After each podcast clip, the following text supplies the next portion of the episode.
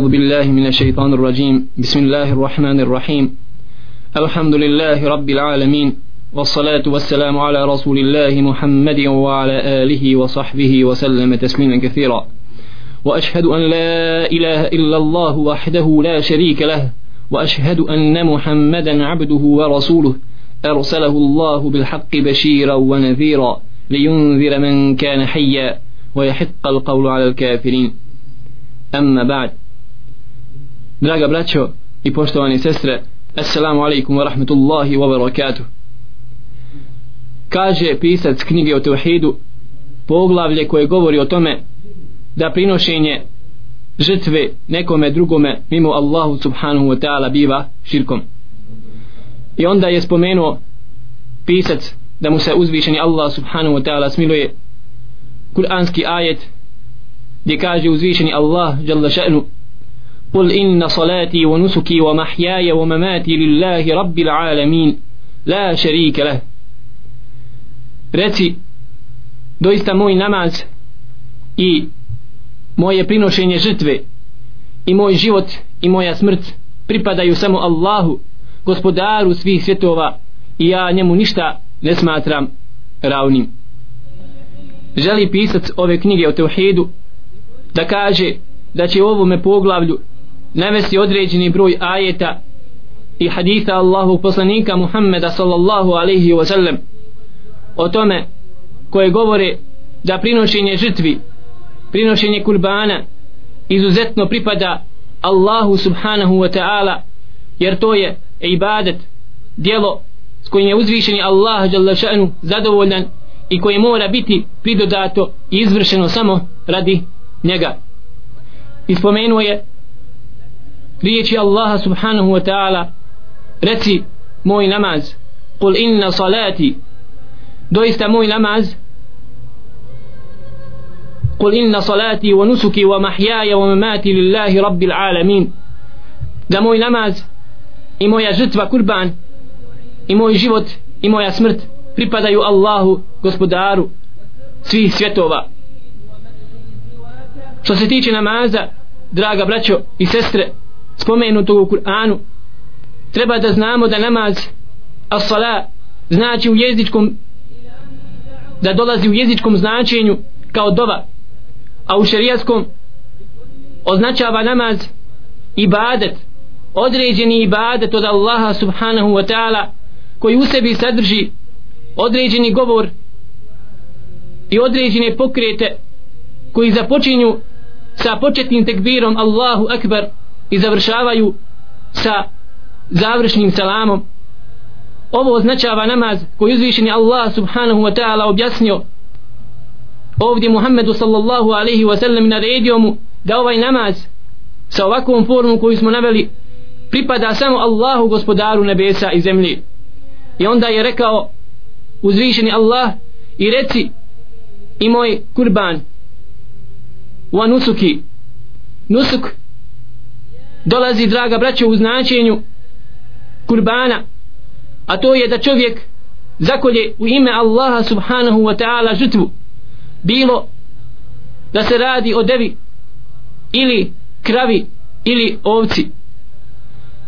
Čovjek može zaklati nešto nekome drugome mimo Allahu subhanahu wa ta'ala ali onda to biva širk koji potpuno izvodi čovjeka iz vjere.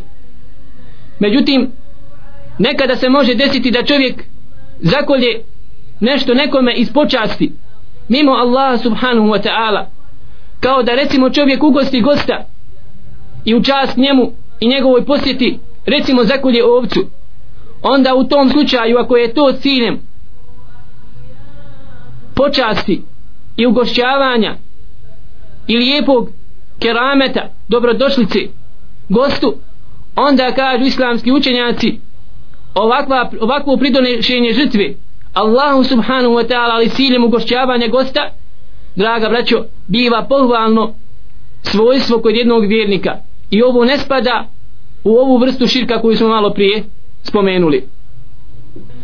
U ovim riječima Allaha subhanahu wa ta'ala i reci o Muhammede sallallahu alaihi wa sallam da moj namaz i moje obradoslovlje odnosno moje pridonošenje žrtve moje klanje kurbana kažu islamski učenjaci da ovaj dio kuranskog ajeta u sebi sadrži teuhidu la ibade a to je vrsta teuhida koja upućuje da naš ibadet mora biti isključivo radi Allaha subhanahu wa ta'ala.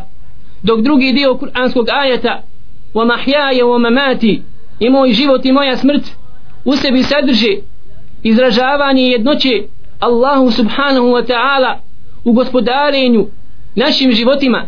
To jest da je on taj koji upravlja našim životima i našom smrću i da je on taj koji upravlja u ovome kosmosu.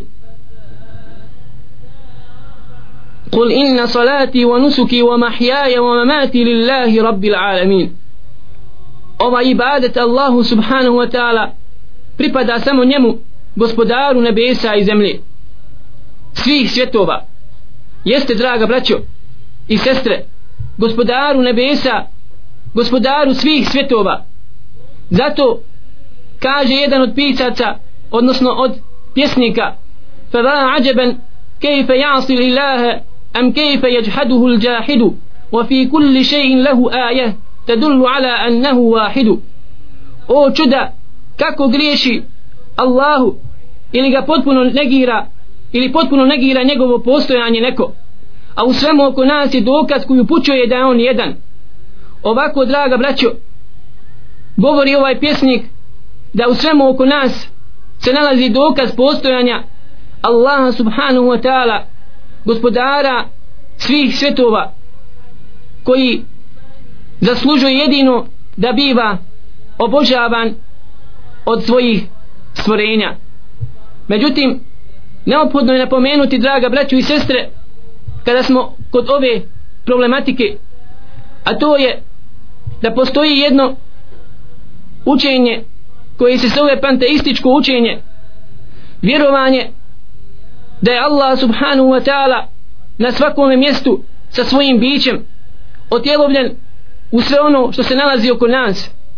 Što je draga braćo vjerovanje koje je došlo sa pogrešne strane od čovjeka koji je živio u prvim stoljećima Islama koji se zvao Džad ibn Dirham koji je došao sa ovim svačanjem i ovim ubjeđenjem naslijedio ga je od unuka židova koji je otrovao pokušao da napravi sihr Allahom poslaniku Muhammedu sallallahu alaihi wasallam sallam ovaj čovjek se zvao Džad ibn Dirham koji je počeo negirati Allahova svojstva.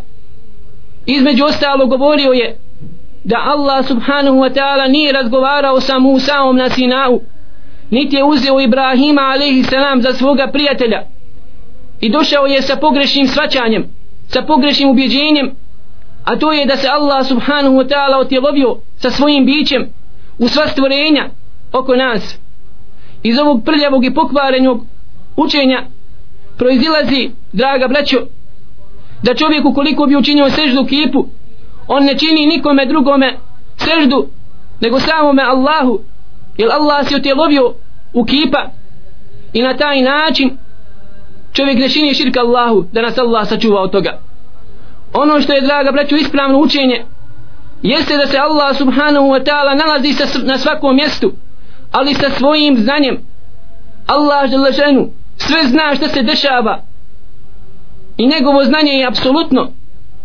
I ne može pasti ni list a da uzvišeni Allah subhanahu wa ta'ala nije obaviješten o tome. Međutim kada je u pitanju biće Allaha subhanahu wa ta'ala jasno je vjerovanje ehli sunnata wal jama'a. I to je ono na čemu su bili ashabi Allahovog poslanika Muhammeda sallallahu alaihi wa sallam i to je ono vjerovanje na čemu su bila na čemu su bile prve tri generacije ashaba tabiina i etbau tabiina. I to je ono vjerovanje na čemu su bila četiri imama ahli sunnata wal jama'a. Ebu Hanife rahmetullahi alaihi imami Malik, imami Šafija i Ahmed ibn Hanbel da im se Allah subhanahu wa ta'ala svima smiluje. A to je da uzvišeni Allah subhanahu wa ta'ala obavijestio na sedam mjesta u Kur'anu. Ar-Rahmanu ala arši stava da je on Allah gospodar nebesa i zemlje uzdigao se iznad arša sa svojim bićem.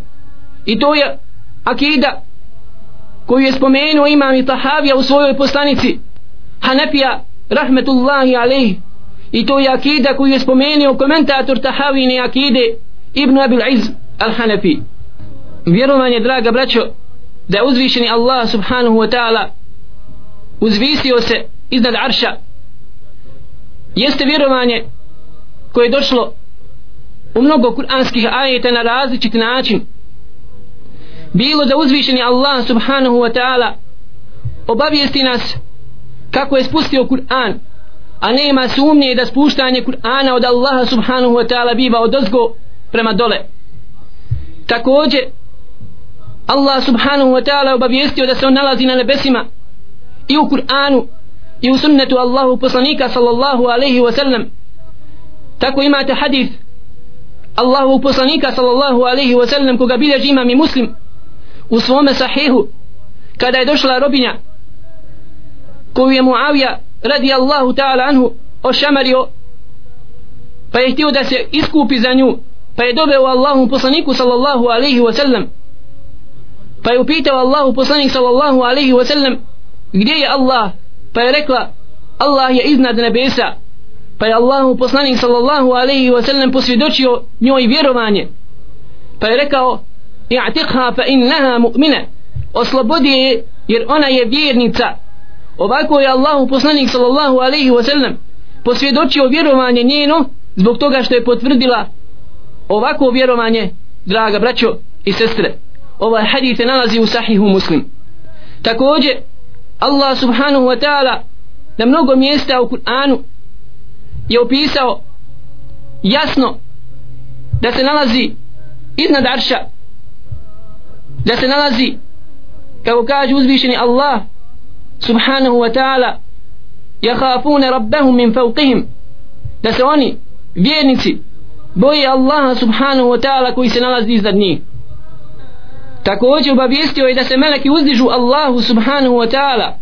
Pa kaže ta'ruđu melaiketu var ruhu ilih da se meleki uzdižu i melek Džibril a uzdizanje kako je poznato u arapskom jeziku biva sa dole prema gore kaže uzvišeni Allah subhanahu wa ta'ala također ilaihi jas'adu l-kelimu tajibu da se njemu Allahu subhanahu wa ta'ala uzdiže i diže lijepa riječ.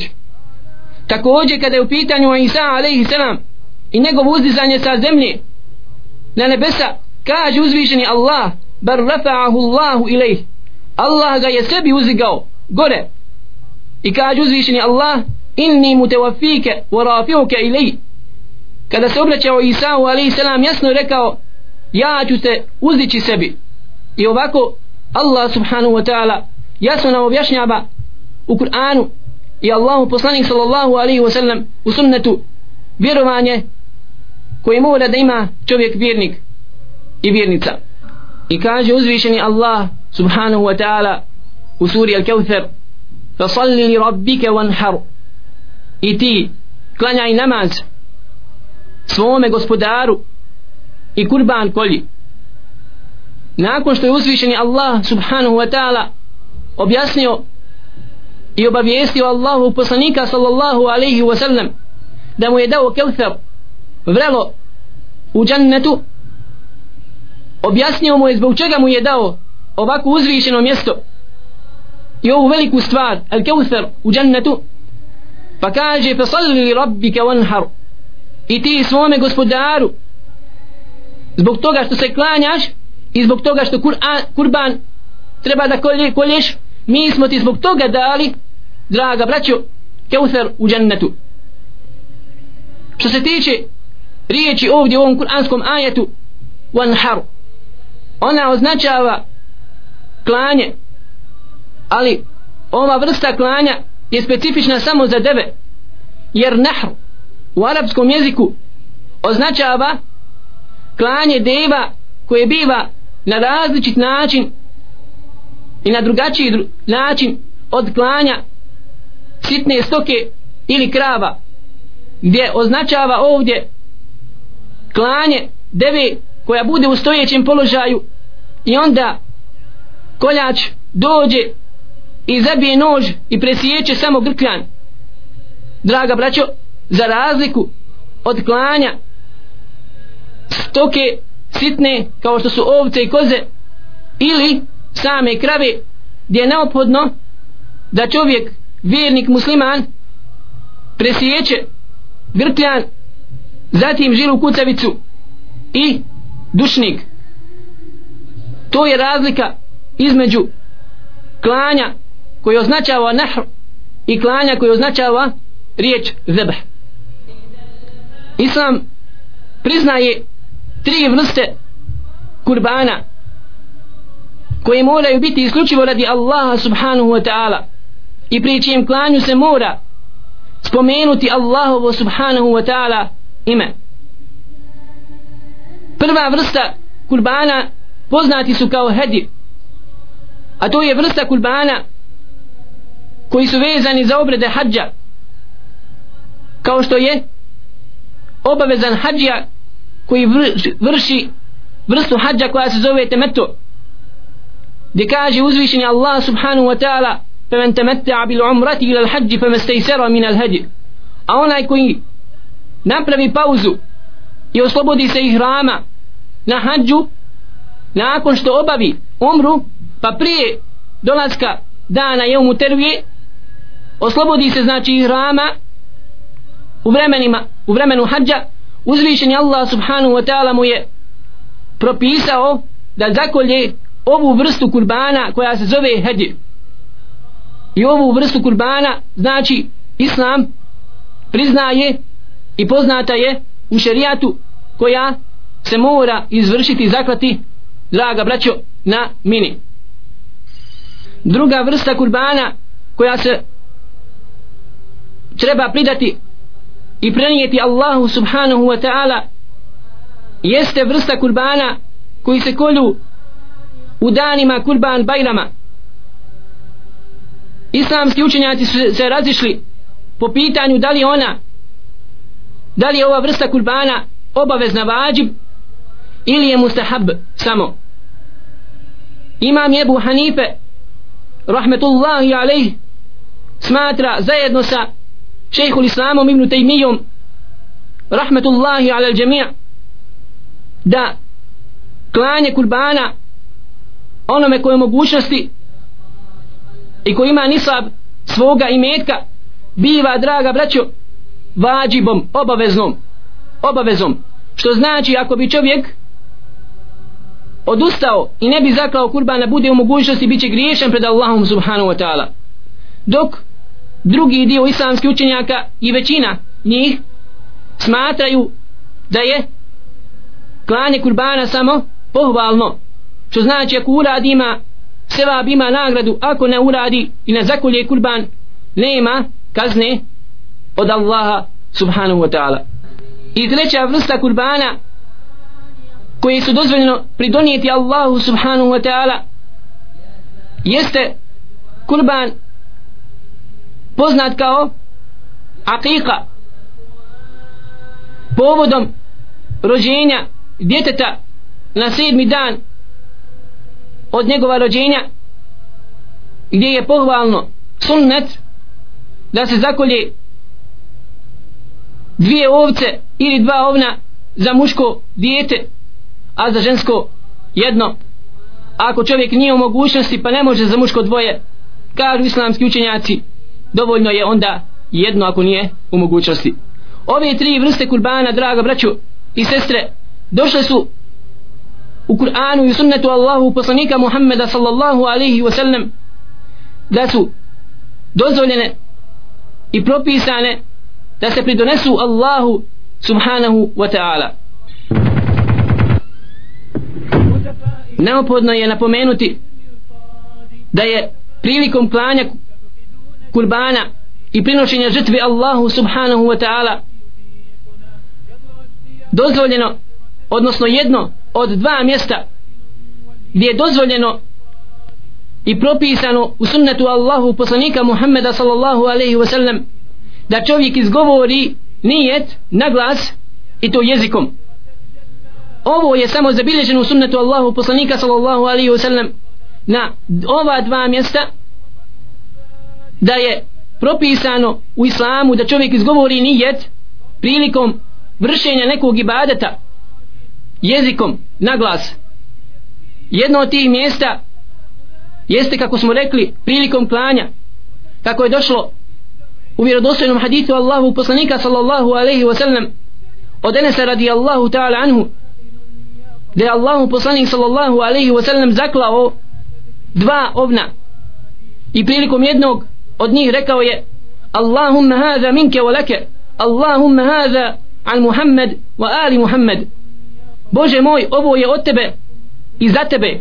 Pogledajte draga braću iskrenosti prema Allahu subhanahu wa ta'ala i da kurban mora biti isključivo radi Allaha.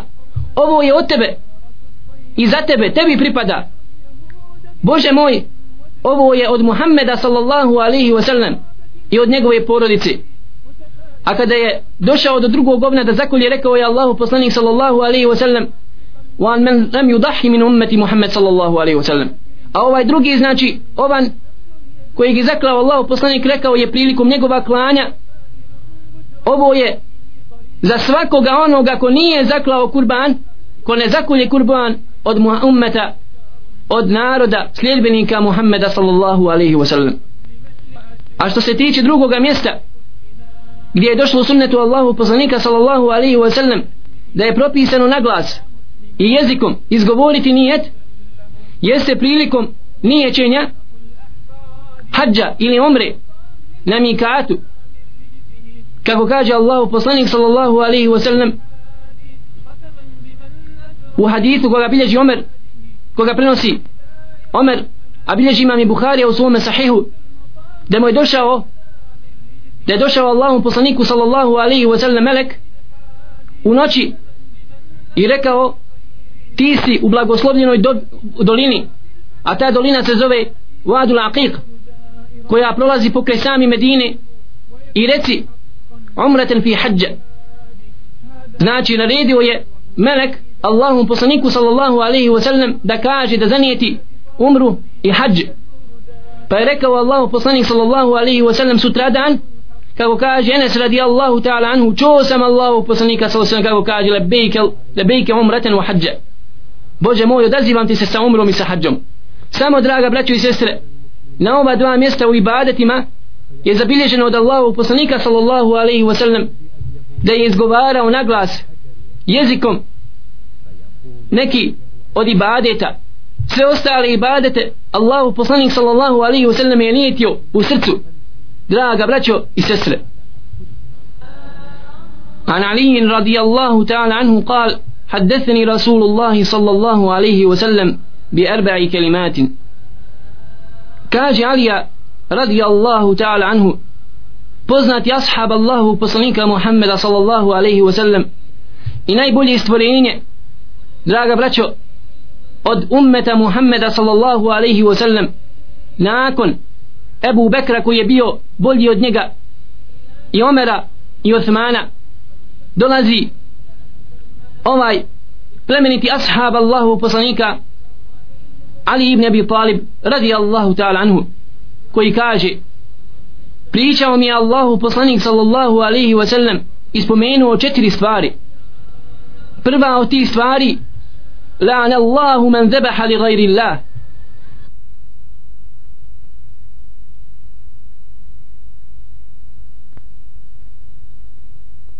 Spomenuo ovaj hadith Allahu poslanika sallallahu alihi wasallam u ovome poglavlju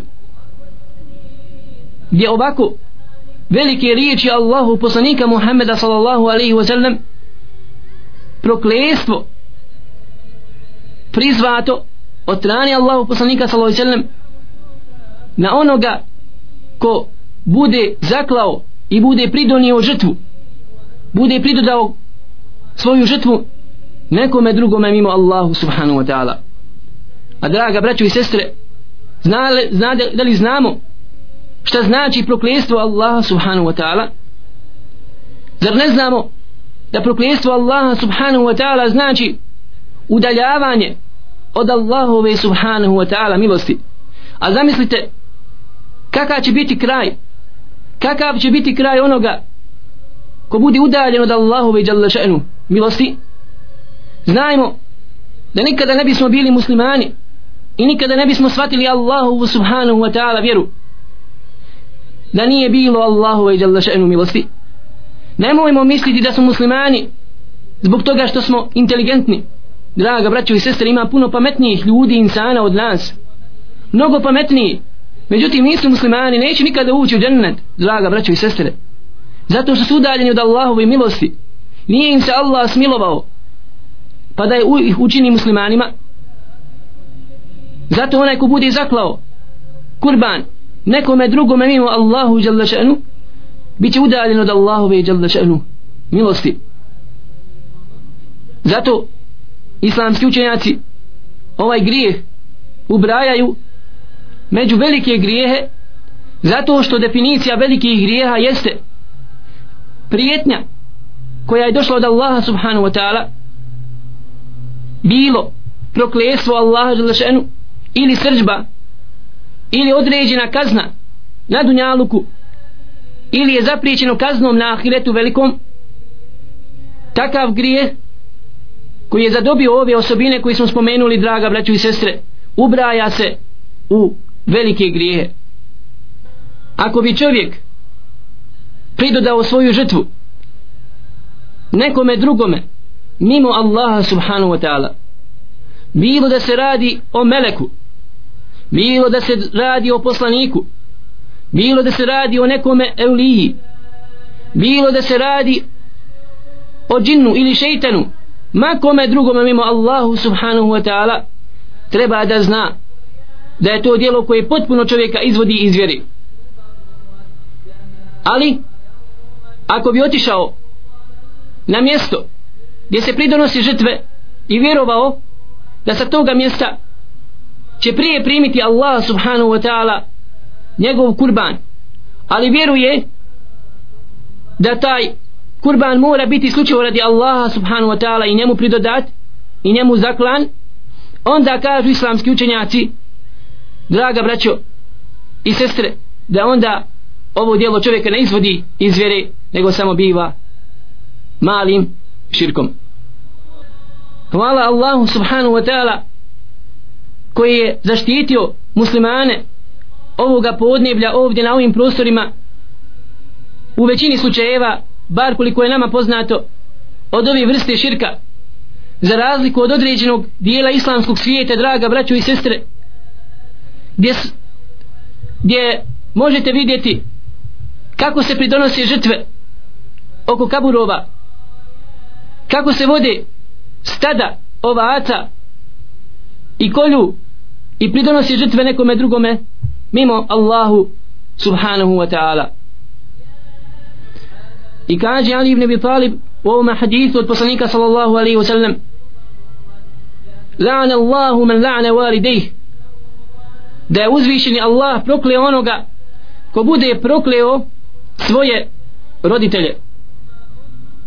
Proklestvo svojih roditelja draga braćo ili psovanje spada također u velike grijehe i kaže Allahu poslanik sallallahu alaihi wa sallam kada je bio upitan kako će to čovjek prokleti svoje roditelje jer su se ashabi začudili.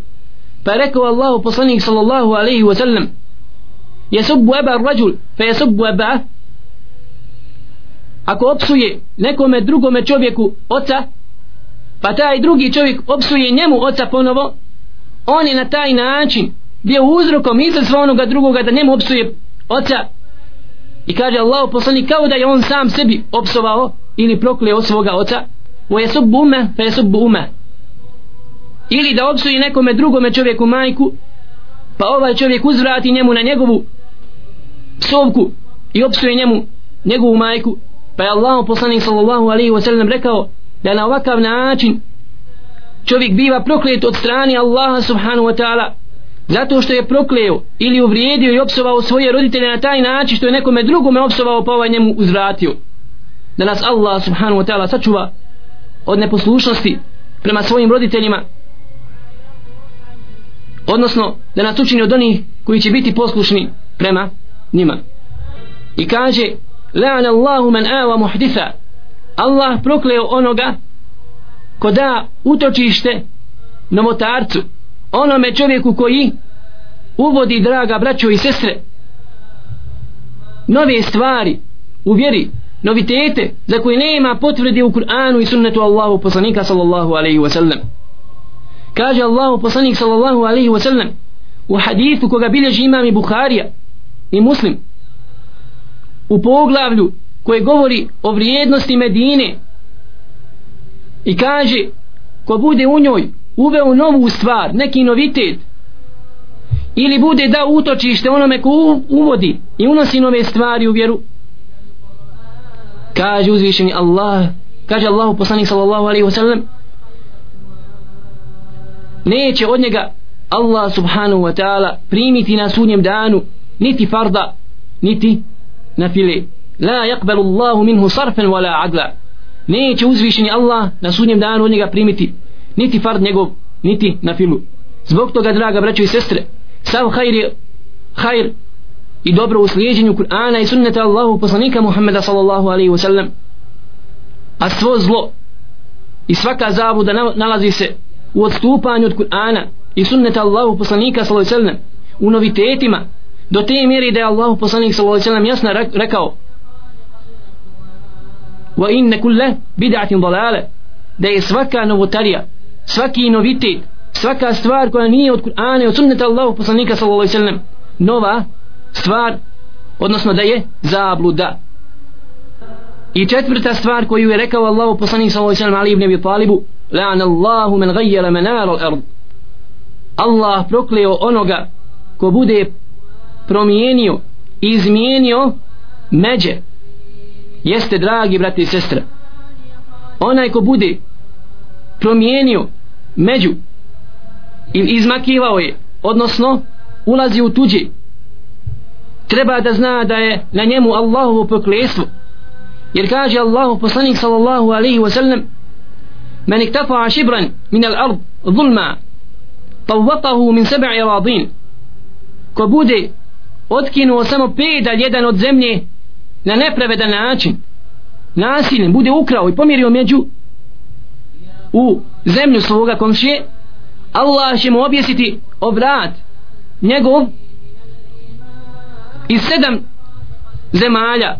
Ta jedan pedalj ići u dubinu kao sedam zemalja i toliko će mu Allah subhanahu wa ta'ala objesiti toliku težinu zemlje na sudnjem danu kada se pojavi pred Allahom gospodarom nebesa i zemlje. Ovako draga braćo Allahu poslanik sallallahu alejhi ve sellem nam je pojasnio ovi ovih par stvari veoma bitni u čovjekovom životu među kojima je i to i najopasnije od svih ovih stvari da čovjek pridonese žrtvu zakulje kurba nekome drugome mimo Allahu subhanahu wa ta'ala od Tarik ibn Šihaba radi Allahu ta'ala anhu se prenosi da je rekao Allahu poslanik sallallahu alaihi wa sallam dakhala al jannata rajulun min fi dhubab.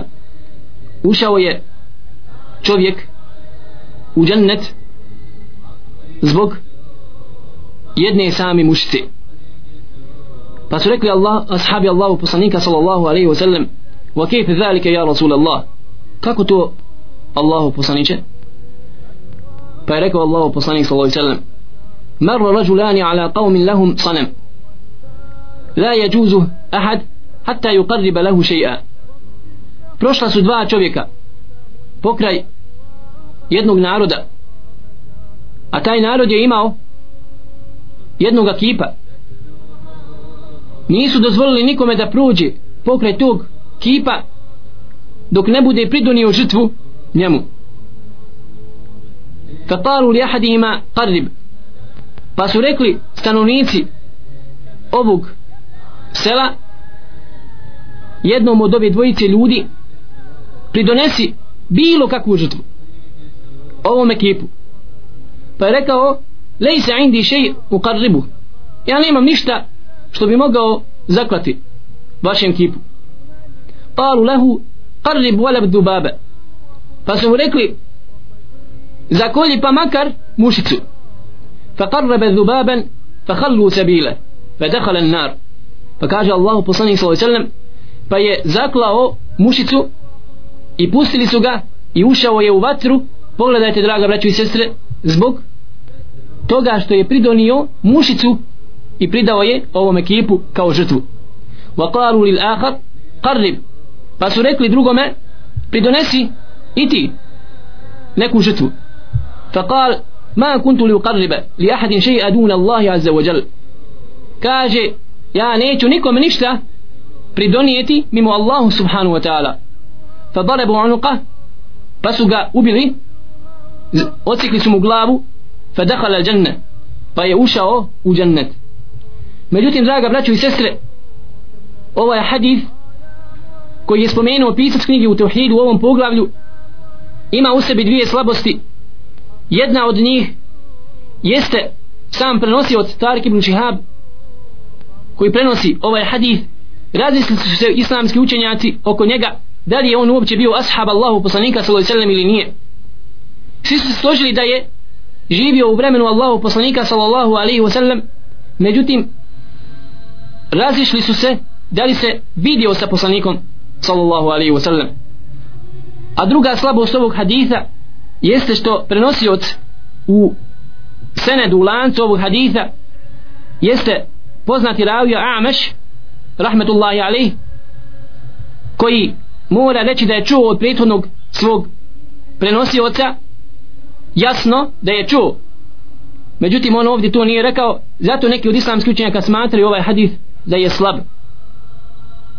Međutim iz njega se može uzeti određene pouke i poruke kada su pitanju draga braćo i sestre ove stvari zato što smo vidjeli prethodni hadith Allahu poslanika sallallahu alaihi wasallam i zato što smo čuli kuranski ajet koji jasno upućuje na to da naša žrtva mora biti isključivo radi Allaha subhanahu wa ta'ala.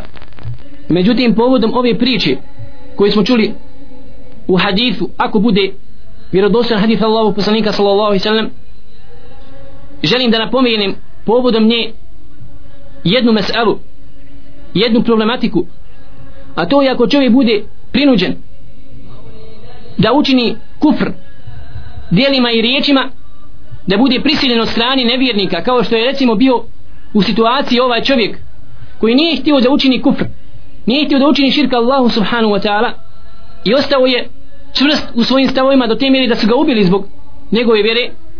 Ako se čovjek nađe u ovakvoj situaciji od strani kršćana ili židova. Da li mu je dozvoljeno da učini riječima kufr da izađe iz vjere ili svojim dijelima a da u srcu ostane vjernik? Draga braćo treba da znamo da je dozvoljeno čovjeku ovu stvar da uradi kada su u pitanju nevjernici. Kao što je Ammar ibn Jasir radi Allahu ta'ala anhu bio prisiljen od strane mušrika. Da. Riječima. Zanegira Allaha subhanahu wa ta'ala. Pa je uzvišeni Allah jalla še'nu objavio povodom njega kuranski ajet illa men ukrihe wa qalbuhu mutmainnum bil iman. Osim onoga ko bude prisiljen ali njegovo srce ostaje i ostane smireno u vjeri. Znači ako bi naše srce ostalo smireno sa i zadovoljno sa islamom međutim zbog okolnosti i sili od strane kršćana ili židova u određenoj situaciji da čovjek riječima da zanegira Allaha Đalešenu ili svoju pripadnost islamu ili svojim postupkom draga braćo on izlazi iz vjeri čak ova stvar je preporučena u slučaju čovjeka od čijeg opstanka i očuvanja života i vjere njegove koju nosi u svome srcu će biti velika korist za islam i za muslimane. Njemu biva draga braćo preporučeno i pohvalno. Ali ako čovjek želi da istraje i bude čvrst nadat se je inša Allahu ta'ala ako bi ga ubili zbog toga nema sumnje da je to najveći stepen šehadeta kod Allaha subhanahu wa ta'ala. Zbog toga što se strpio draga braćo i sestre i poginuo na Allahom putu. I ovako draga braćo i sestre došli smo i do kraja našeg predavanja. Želim da napomenem i sebe i vas da je večeras noć petka a sutra njegov dan. Dan gdje je poželjno da čovjek se okupa kod svoje kuće namiriše i porani u mezid. Zatim što prije što bliže bude imamu jer kaže uzvišeni Allah subhanahu wa ta'ala wujuhu yawma idhin nadira ila rabbiha nadira. Da će na sudnjem danu vjernici lica vjernika biti svijetla u svoga gospodara će one gledati. Kaže Allahu poslanik sallallahu alaihi wa sallam u džennetu da će biti najbliži Allahu kada budu gledali u lice Allaha subhanahu wa ta'ala koji nije ničemu slično biti najbliži oni koji budu draga braću i sestre najbliži imamu na dan petka u mezđidu kada dođe da obavi džumu namaz. Zato požurite na ovo veliki na ovaj veliki hajr. Wa akhiru da'wana الحمد لله rabbil alamin. Wa sallallahu ala nabiyyina محمد wa ala alihi wa sahbihi wa